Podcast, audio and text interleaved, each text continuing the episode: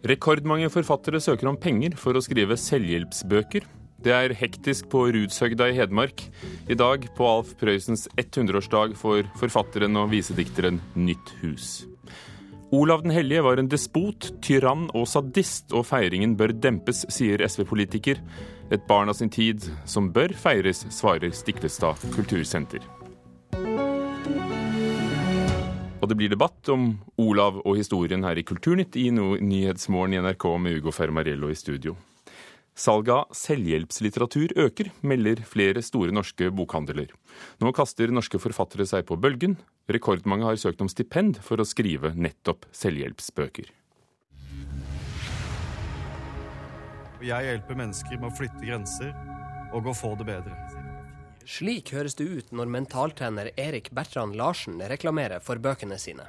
Han har hatt suksess med sine selvhjelpsbøker, og er ikke alene, ifølge norske bokhandlere. Hos både Nordli, Adlibris og Bokkilden har nemlig omsetninga i denne kategorien økt med minst 30% siden i fjor. Og nå står rekordmange forfattere i kø for å skrive selvhjelpslitteratur. Ja, det kan jeg bekrefte. Det sier Marit Ausland, seniorrådgiver i Det faglitterære fond. I løpet av de siste to årene så har det eksplodert i søknader om selvhjelpsbøker, coaching, mindfulness, den type bøker. Ausland forteller at én av fem søknader til Det faglitterære fond kommer fra forfattere som vil skrive bøker, som altså skal prøve å Gjøre deg mer fokusert, mer effektiv, og som viser hva som faktisk bor i deg. I løpet av siste året har vi vel fått inn rundt 1200 søknader. og Kanskje oppe i 20% er den type bøker. Hvis du tenker på alt som er innen faglitteratur, så blir det et ganske høyt tall. Det overrasker ikke forfatter Bertrand Larsen. Nei, det gjør egentlig ikke det. Jeg har jo sett dette her eh, komme. Jeg har venta litt eh, på det. Jeg har jo sett at eh, i andre land så har det vært mer populært enn i Norge. Og mentaltreneren har sin egen teori på hvorfor selvhjelpsbøker er populære både hos forfattere og lesere i dag. Vi har det så godt at vi også mangler friksjon i hverdagen.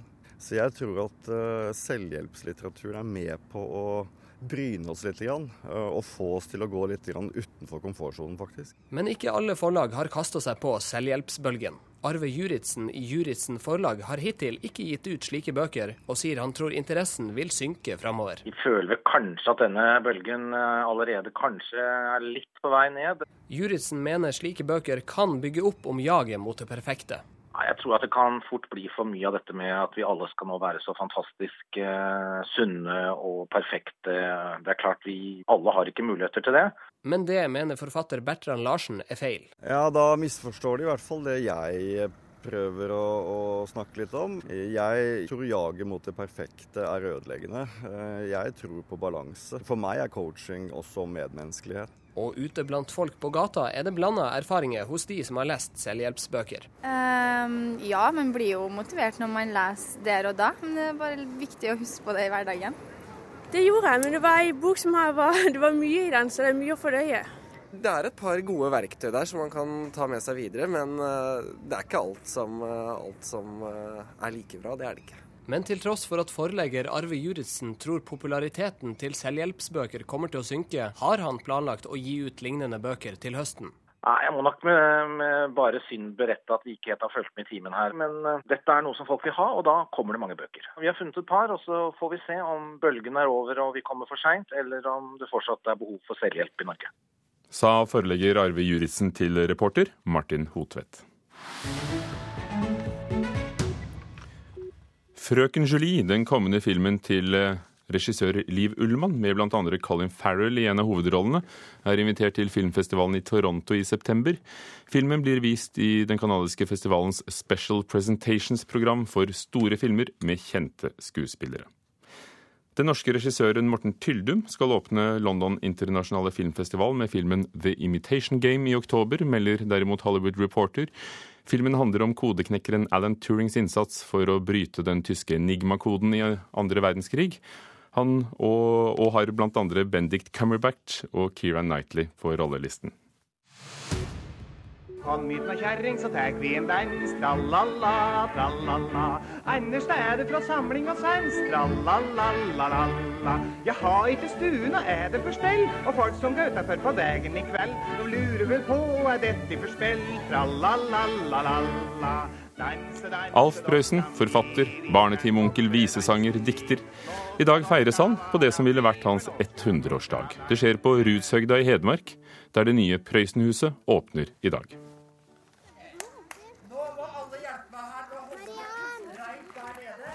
Festivalsjef Hogne Mo har en travel dag på jobb. Skuespillere, artister, benker, drikke, krakker, skilt og musikkanlegg skal på plass. For i dag, den 23. juli, hadde Ringsakers store sønn Alf Prøysen vært 100 år. Det skal markeres rett ved Prøysenstua, der Prøysen vokste opp. Og nå øves det for harde livet på utescena. Ja, vær så god. Men det er mer enn replikkene som skal sitte. Mye skal på plass i det nye Prøysenhuset, som er tegna av Snøhetta og sponsa av forretningsmannen Arthur Buchardt. Et steinkast unna ligger Kusvea, der Prøysens snille nabo Annbjørg bodde. Men i natt er det kulturkonsulent i Ringsaker kommune, Guri Kaashagen, som har bodd her. Jeg har sovet her i natt, og klokka fire da ble jeg vekta. Kikkeliki! Da var hanen oppe. Men du, hvorfor er det du har vært her så mange timer nå? Nei, det er jo for at det er Prøysenfestival, og det er skikkelig trøkk. Det er mye som skal på plass. Ja, ja, ja, ja. Da duvede blommer med rødlette kinn. Viggo Sandvik øver på slipsteinsvalsen. Dugnadsfolket svetter, og Kristine Lundsbakken bærer vann. Akkurat nå driver vi og bærer litt vann til artister, så de ikke skal tyste i hjel. Det er jo ganske varmt i dag. Jeg lager i stand røykplasser, sånn at de ikke skal røyke rundt eh, på hele området. Der det ser minst ferdig ut, er ved Mikkelikski-scena. Vi fikk takstein i stad, som vi ikke skulle egentlig få i morgen, før i morgen. Så det skal på i kveld, før vi skal gi oss i hvert fall. Loffer og slåss har vi ikke lov til å nekte sin far. Som går, går. Og alt skal være klart eh, til i dag klokken 14, for da starter festforestillingen og huset åpnes. Reporter på Rudshøgda Anne Stine Kinn. Hogne Mo er daglig leder ved Prøysenhuset og sjef for Prøysenfestivalen Blåklokkevika. Vi møtte ham utenfor det nye huset. Prøysenhuset skal være det stedet du drar til for å møte Alf Prøysens forfatterskap. Stedet du kommer til for å se hvor han ble født og hvor han bodde. og gå Prestveien, der han la grunnlaget, altså alt som skjedde langs denne veien, det var der han la grunnlaget for å bli den forfatteren han blei. Det er jo litt en kontrast mellom det moderne huset tegnet av Snøhetta her, og, og de få metrene gjennom uh, trærne til Prøysenstua som ligger der og, og ser utover engen ned mot, uh, mot hovedveien. Ja, og det syns jeg er så flott, for historien ligger i stua. Og det er juvelen i, i vår formidling. Men framtida, nåtida og framtida, det ligger jo her i det nye huset, hvor vi skal videreutvikle. For en viktig del av dette her er jo ikke bare at vi skal konstatere hva han har skrevet, og hva han har laget, og hva han har gjort, men at det skal bli et, et sted hvor vi har kunstnere her inne nå som, som, lager nye produksjoner, som lager nye forestillinger. Og Alf Prøysen var jo en mentor for mange av visesangerne på sin tid. Altså Alf Kranner, Ole Paus. Det er jo mange av de som virkelig hadde så glede av det, inspirasjonen fra Alf Prøysen. Og det er en framtidsdel av det å for, formidle Alf Prøysen, er å gi rom for alskens kreativitet. Hvordan vil folk møte Prøysen utenom Blåklokkevikua? Nei, da, da, kommer de her, og vi har stua som en del vil vise dem. Vi har nabohusmannsplassen Kusvea, som også er en del av historien. Og så har vi det nye huset hvor alt tilgjengelig materiale, altså vi har jo masse materiale digitalt tilgjengelig, som du skal finne her. Og vi har, vi, første året bruker vi på å samle inn objekter som Bevare meg vel, heter overskriften for én del av det vi skal gjøre første året. sitter en arkivar som tar imot det publikum kommer med. For det er mange som sitter på historier, sitter på brev, sitter på gjenstander som har vært en del av Alf Prøysens liv. som vi dette skal være en, et sted hvor du skal finne alt om Alf Prøysen. Vi sitter på terrassen her eh, i granskogen, ser ned mot eh, Prøysenstua, skimter så vidt eh, E6-en nede i bakken. Hvor mye betyr stedet for å oppleve en dikter? Ja, akkurat når det gjelder Alf Prøysen, så betyr for meg i hvert fall betyr det masse. fordi at Hvis vi ser E6-en, er i grunnen det jeg helst ikke ville sett. For den gikk jo ikke her noe av det. Men hvis du ser opp i åsen på andre siden, der er Storgarnet. Der, der skinner sola. Vi sitter på Grågrenna-siden av det. Og det er jo det spennet mellom Grågrenna og Storgarnet. Den store forskjellene. Og han vokste opp i Grågrenna. Og, og, og da, da har du hele spennet altså Scenografien her er jo kunne ikke blitt bedre. Fordi han, Paletten til Alf Prøysen er det du ser her. Det er her han henta alt fra. Sa Hogne Mo, eh, daglig leder på Prøysenhuset. Kulturkommentator Agnes Moxnes, hvordan ser det ut der? Ja, det, jo, det, var en fin beskrivelse Hogne Mo ga her. Det er eh, Jeg kom jo opp dit i, til eh, Ringsaker eh, i går. Og det å, å komme, gå forbi husmannsplassene Kusve og, og Prøysen og komme inn til det nye Prøysenhuset, som jo da er tegnet av Snøhetta, det er en, en veldig fin opplevelse. Og, og, jeg tenker som så at det tvinger deg til å tenke litt over over eh, Alf eh, Prøysen og hans eh, rolle og posisjon og oppvekstvilkår. Måten det er plassert på dette huset inni denne mørke, mørke granskogen. Kritikerne var jo bekymret for at det ville ligge for tett opp til den lille, vesle husmannsplassen som er Prøysenstua. Vil du gi Hogne Moe de andre rett i at nei, det forstyrrer ikke, for det er så nennsomt gjort? Ja, det gir jeg dem helt rett i. Tvert imot. Altså, de to spiller veldig godt. Altså, de spiller på samme lag, rett og slett. Det var jo et Prøysenhus før òg, det åpnet i 97. Hva, hva, hva skiller det nye fra det gamle? Ja, det, det, viktigste er jo at de ligger så tett sammen. sånn at du har, altså det som, det som åpner i dag, er jo et slags Prøysenland. Et opplevelsessenter. Før lå disse bygningene ganske langt eh, fra hverandre. Og det var det gamle Prøysenhuset slet med sin egen identitet. Det var et eh, museum, vi hadde færre og færre besøkende. Sånn at Prøysen her på Hedmarken nå, på Ringsaker, har virkelig fått en ny sjanse gjennom eh, det som skjer i dag på 100-årsdagen til Alf Prøysen. Dette er også starten på Prøysenfestivalen eh, dette året. Prøysen tolkes fra unge artister som Frida Ånnevik til de etablerte som Lars Lillo Stenberg og Anne Grete Preus. Hva er det som er aktuelt med Prøysen fortsatt? Altså Det Prøysen, i likhet med mange andre gode eller fremragende diktere gjør, er jo å sette ord på det å være menneske og det å kanskje tenke annerledes, gjøre andre ting, ha andre lidenskaper og ønsker enn det som er tillatt i omgivelsene rundt deg. Og denne følsomheten den kommer til uttrykk også hos uh, Alf Prøysen. Og det er vel eh, kanskje det å, å liksom gå inn i den biten der er eh, en viktig utfordring for Prøysenhuset fremover. Eh, samtidig som det jo selvfølgelig er slik at, eh, at altså sangen om at alle har et eh, sessionbånd på Gjøvik, den er, kommer alltid til å være aktuell. Eh, og morsom, og, og akkurat liksom to the point når det gjelder det å være menneske her i verden. Takk skal du ha. Agnes Moxnes, kulturkommentator. Og festforestillingen fra Prøysenhuset blir sendt på nettsiden vår nrk.no klokken 14 og på fargefjernsynet NRK1 klokken 22.15 i kveld. Klokken er 17 minutter over åtte. Du hører på Nyhetsmorgen i NRK. Hovedsakene i dag tidlig. Kreft og kolssyke risikerer å ikke få den beste medisinen. Nye medisiner testes sjeldnere enn tidligere. Det er landesorg i Nederland. De første ofrene etter flystyrten i Ukraina kommer hjem i dag. NHO støtter LO og vil ha OL i Oslo.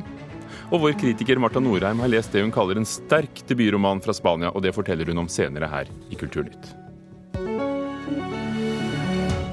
Marit Moum Aune har sagt ja til et fjerde år som regissør av spelet om Heilag Olav på Stiklestad, som det heter. Hun overtok i 2012, gjenskapte selve slaget og innførte nattforestilling.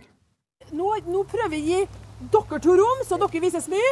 Og biskopen og andre folk skal stå i ro. Og Det er de drittsur for, og det skjønner jeg, for det er artig å ri mye, men det er dere får lov å ri mye. På scenen i Amfiet på Stiklestad er regissør Marit Moe Maune opptatt av detaljene. Men du, det er jo tøft å gjøre. Kan dere gjøre det der fem ganger nå? Gjør det mange ganger nå. Ja, det er litt trøtt når jeg vil helse meg velkommen med alt jeg har å fare med. Olav, Vi har bare drygt 3000 mann. Harald, jeg veit hvor mange menn jeg har. Men det er 900 heidninger som vil slå Og jeg har sagt at heidningene vil ikke ha med oss! Kong Olav Haraldsson tar et oppgjør med sin bror. Kongen ønsker ikke hedninga inn i sin hær. Dette er tredje året Moe Maune har regien på spelet om Heilag Olav, og har nå takka ja til et fjerde år. Jeg ville vært en idiot hvis jeg ikke sa ja en gang til. Men det som kunne ha stoppa meg, det er jo hvis jeg tenker at eh, jeg blir stående og repetere meg sjøl, for det hadde jeg ikke orka. Jeg er et menneske som fort kjeder meg. Og det ville ha vært helt grusomt, syns jeg. Så det er bare fordi at jeg føler at vi gjør noe bra nå, og så føler jeg at det er et potensial neste år, da. Sist gang en regissør hadde jobben så lenge, var ved Arnulf Haga på slutten av 80-tallet. Ifølge Turid Hofstad, direktør ved Stiklestad nasjonale kultursenter, ønsker de å la Moe Maune fortsette utviklinga av spelet. Hun jobber utrolig bra. Hun er inne i en prosess nå med denne utviklinga av spillet som vi har lyst til å være med og følge opp. Syns du de foregående regissørene har mangla det, ettersom de ikke har fått et fjerde år? Nei, det kan ikke jeg si, men de har jo ofte også sagt at når de har hildet på Noen har jo sagt at etter to år så har de liksom gjort sitt prosjekt. Og, eh, så det varierer jo litt hvem det er. Eh, Men Marit hun, hun ser jo veldig mye nye muligheter ennå. Jeg syns hun er kjempegod i fjor, men nå syns jeg virkelig at du ikke står og roper. Siden Marit Moe Maune tok over jobben i 2012, har spillet på Stiklestad vært gjennom tidenes forandring. Forestillinga ble flytta fra dag til natt, språket ble endra, musikk ble lagt til, og for første gang fikk publikum se selve slagscenen. Og nå vil hun bygge videre. Jeg vil få enda mer tid og enda mer rom til å gjøre det vi allerede gjør. Som er Alt ligger, ligger i detaljene. Og du kan si, Her har vi da litt over to uker prøvetid, og vanligvis på teater så har jeg jo to måneder. Så klart at på det fjerde året så begynner jeg snart å nærme meg det som er en vanlig prøvetid for et sånt stykke. Det er mm, utrolig mye folk med på scenen. Hundrevis på scenen. Og hver enkelt utøver skal ha sin historie, og det, vi jobber ganske så detaljert. Og så utvider vi jo slaget på Stiklestad, innførte vi i fjor. Vi begynte i det små, vi fortsetter nå. Jeg håper at det skal bli kjempestort neste år. Nå er jeg veldig forventninger til andre gang med det samme. Og hissig nå, hissig nå, Odin. Bruk temperamentet. Vær så god. Det sa regissør Marit Moe Maune, som altså fortsetter på Stiklestad. Og vi hørte også Turi Hofstad, direktør ved Det nasjonale kultursenteret der, og reporter Kaja Kristin Næss. For fredag er det altså premiere på det 60. spillet om Olav den hellige på Stiklestad i Nord-Trøndelag. Og i år er det også 1000 år siden kong Olav ble døpt. Kongen som kristent Norge ble utnevnt til helgen etter at han falt ved slaget på nettopp Stiklestad i 1030. Men i senere tid er det blitt sådd tvil om han var så hellig som mange skal ha det til. Og en av tvilerne er deg, stortingsrepresentant eh, for eh, SV fra Troms, Torgeir Fylkesnes. Hvorfor bør vi dempe det du kaller feiringen av Olav den hellige? Det jeg syns er veldig positivt, det er jo disse her historiske spillene og, og Ja, ja. den folkelige Hvorfor bør vi dempe feiringen av Olav den hellige? Eh, historien om Olav den hellige er eh, i realiteten historien om en massemorder som ble gjort hellig etter sin død. Altså man fant ut at han hadde eh, guddommelige egenskaper etter sin død. Eh, kirka benytta anledninga etter fallet til Olav den hellige til å veve en historie som jeg tipper First House hadde vært eh, mis misunt eh, kirka dypt for å utvikle en så vellykka kommunikasjonsstrategi, der de gjennom forskjellige typer mirakler, eh, mystiske hendelser, klarte å etablere en fortelling om han, der han ikke var den massemorderen og den sadisten og tyrannen han faktisk var i levende live, men han var en, en angrende morder som hadde blitt omvendt til den gode tro, og som gikk på martyrdøden. Og... men uh, dette var jo Vi vet at slaget på Stiklestad var en, uh, en, en klassisk kamp om politisk kontroll over Norge. En klassisk kamp om ressurser.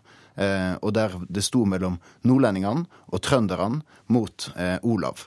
Og der et stort opprør ble etablert fra nordlendingene sin side. Der de vant slaget på Stiklestad, men der kirka klarte å, å, å vinne slaget på lang sikt. Og da er spørsmålet skal vi videreføre denne her feiringa her så ukritisk som, som vi har gjort, eller skal vi begynne å få en annen type blikk på Stiklestad i dag? Ja, fagsjef ved Stiklestad nasjonale kultursenter, Per Steinar eh, Skal vi videreføre denne, dette bildet av hvem Olav den hellige kanskje ikke var? Eh, altså nå er det sånn at uh, Stiklestad nasjonale kultursenter har fått et nasjonalt oppdrag fra Stortinget i, med å forvalte og formidle arven etter Olav Haraldsson, slaget på Stiklestad, Olav den hellige om man vil.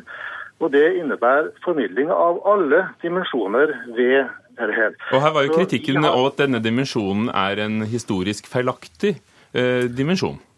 Ja, altså, Vi feirer jo ikke en krigerhøvding, en vikinghøvding. Det som, det som man kan si i den grad vi feirer noe som helst, er jo konsekvensene av slaget på Stiklestad. og Det er jo framveksten av den norske staten, det er framveksten av monarkiet i Norge, det er framveksten av kirka. Og de der tre sentrale institusjonene eh, er jo sentralt for oss også i dag. Og Det er jo det som er grunnen til at vi markerer og feirer det her eh, primært under Olsok, men altså også under hele, eh, hele, altså vår hel, helårlige virksomhet. Så det er en feiring, altså. Ja, vi feirer altså framveksten av Norge. Vi, feirer konsekvensene av det som skjedde både på Stiklestad og også som følge av helgenkåringen i Trondheim. Vi tenker vel som så at hadde nå ikke Olav eh, vært den som har uh, forårsaka dette her, så hadde det kommet en annen en. Og de fleste som drev med krig og uh, slåssing i vikingtida, var verken bedre eller verre enn Olav Haraldsson. Han var et barn av sin tid. Han som de fleste andre. Torgeir Fylkesnes, kristendommen hadde kommet før eller senere, og like brutalt. Ja, det er jo en, eh, en klassisk fortelling om dette her. At eh, der var, han var bare en historisk skikkelse som, eh, som kom opp. Eh, Men faktum er jo at for det første så var Olav den hellige en, kanskje en over normalt eh, s- eh, heftig sadist for sin tid å være. Han hadde Allerede som tolvåring hadde han reist ut og fått sin skolering, og vi kjenner historien fra Snorre-sagaen på hvordan han herja.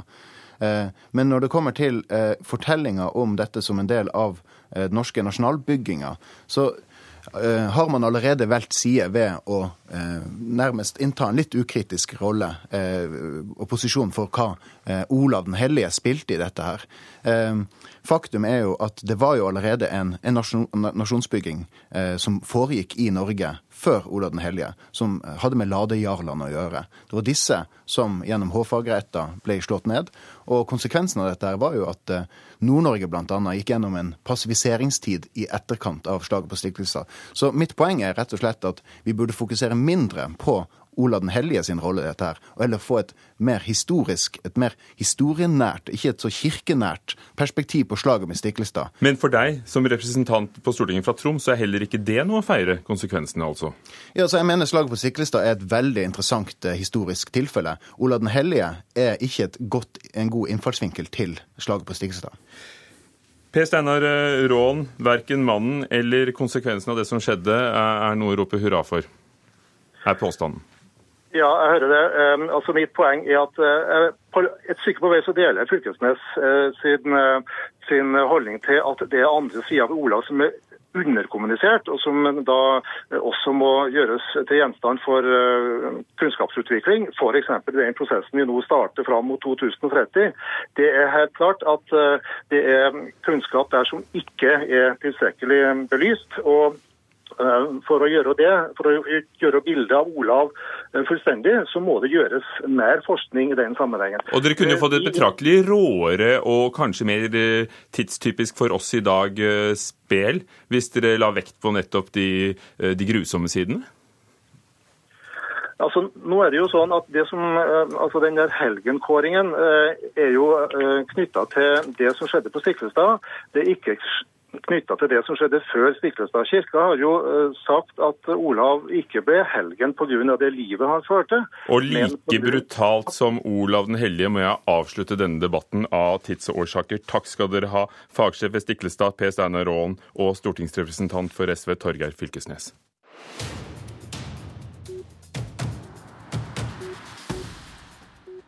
Det er få romandebutanter forunt å få boken sin oversatt til andre språk så å si samtidig med at den utkommer på originalen. Jesus Carrasco fra Sevilla i Spania er et unntak. Han debuterte i fjor, og allerede nå kommer boken hans på norsk, Under åpen himmel. Vår kritiker Marta Norheim forstår godt hvorfor det har gått så raskt. Scenen er et goldt og tørt landskap som strekker seg uendelig i alle retninger. En liten kropp går alene gjennom ingenmannslandet. Det er en ung gutt, han er på flukt, han har altså rømt fra noe som er verre enn dette. Desperat etter mat og vann sniker han seg inn mot et enslig lite bål under nattehimmelen og prøver å stjele sekken til den gamle geitepasseren som sitter alene ved elden i natta. Prosjektet er mislykka, gamlingen ved bålet oppdager han, men lar gutten slå følge med seg. Så er de to som vandrer gjennom det golde landskapet.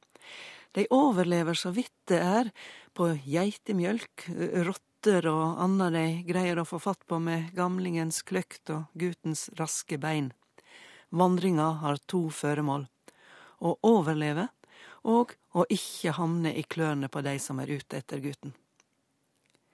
Historia er strippa for navn på folk og stader, også guttens motiv for å stikke av fra landsbyen får ligge i det dunkle inntil det nærmer seg slutten. Gradvis forstår leseren og gamlingen hvordan det er fatt. Det er ei brutal historie om fattigdom, vannmakt og brutalitet. Til og med humaniteten og nestekjærleiken er brutal i dette samfunnet.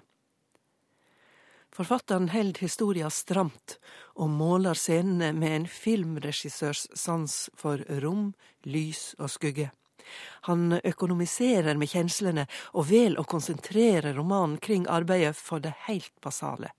Mat, vatn, fridom. Geitene, himmelretningene, soveplasser. Dette er gode valg.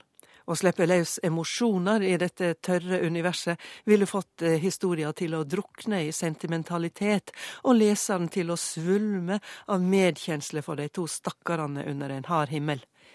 I staden får vi ei naken historie om menneskelig og umenneskelig åtferd i randsonene av eksistensen. Og kanskje ikke bare der. Det nedstrippa og navnløse gjør at det, dette blir ei fortelling som når langt utover seg sjøl. Sa Marta Norheim om romanen Under åpen himmel. Dagens Nico Vince-nytt. Den norske duoen har gjort det bra i Amerika og klatrer opp på den amerikanske iTunes-listen og ligger nå på femteplass. Duoen venter i spenning på ny oppdatering fra Billboard-listen i kveld. Kulturnytt var Frode Thorshaug, Thomas Alverste Nove og Ugo Fermariello.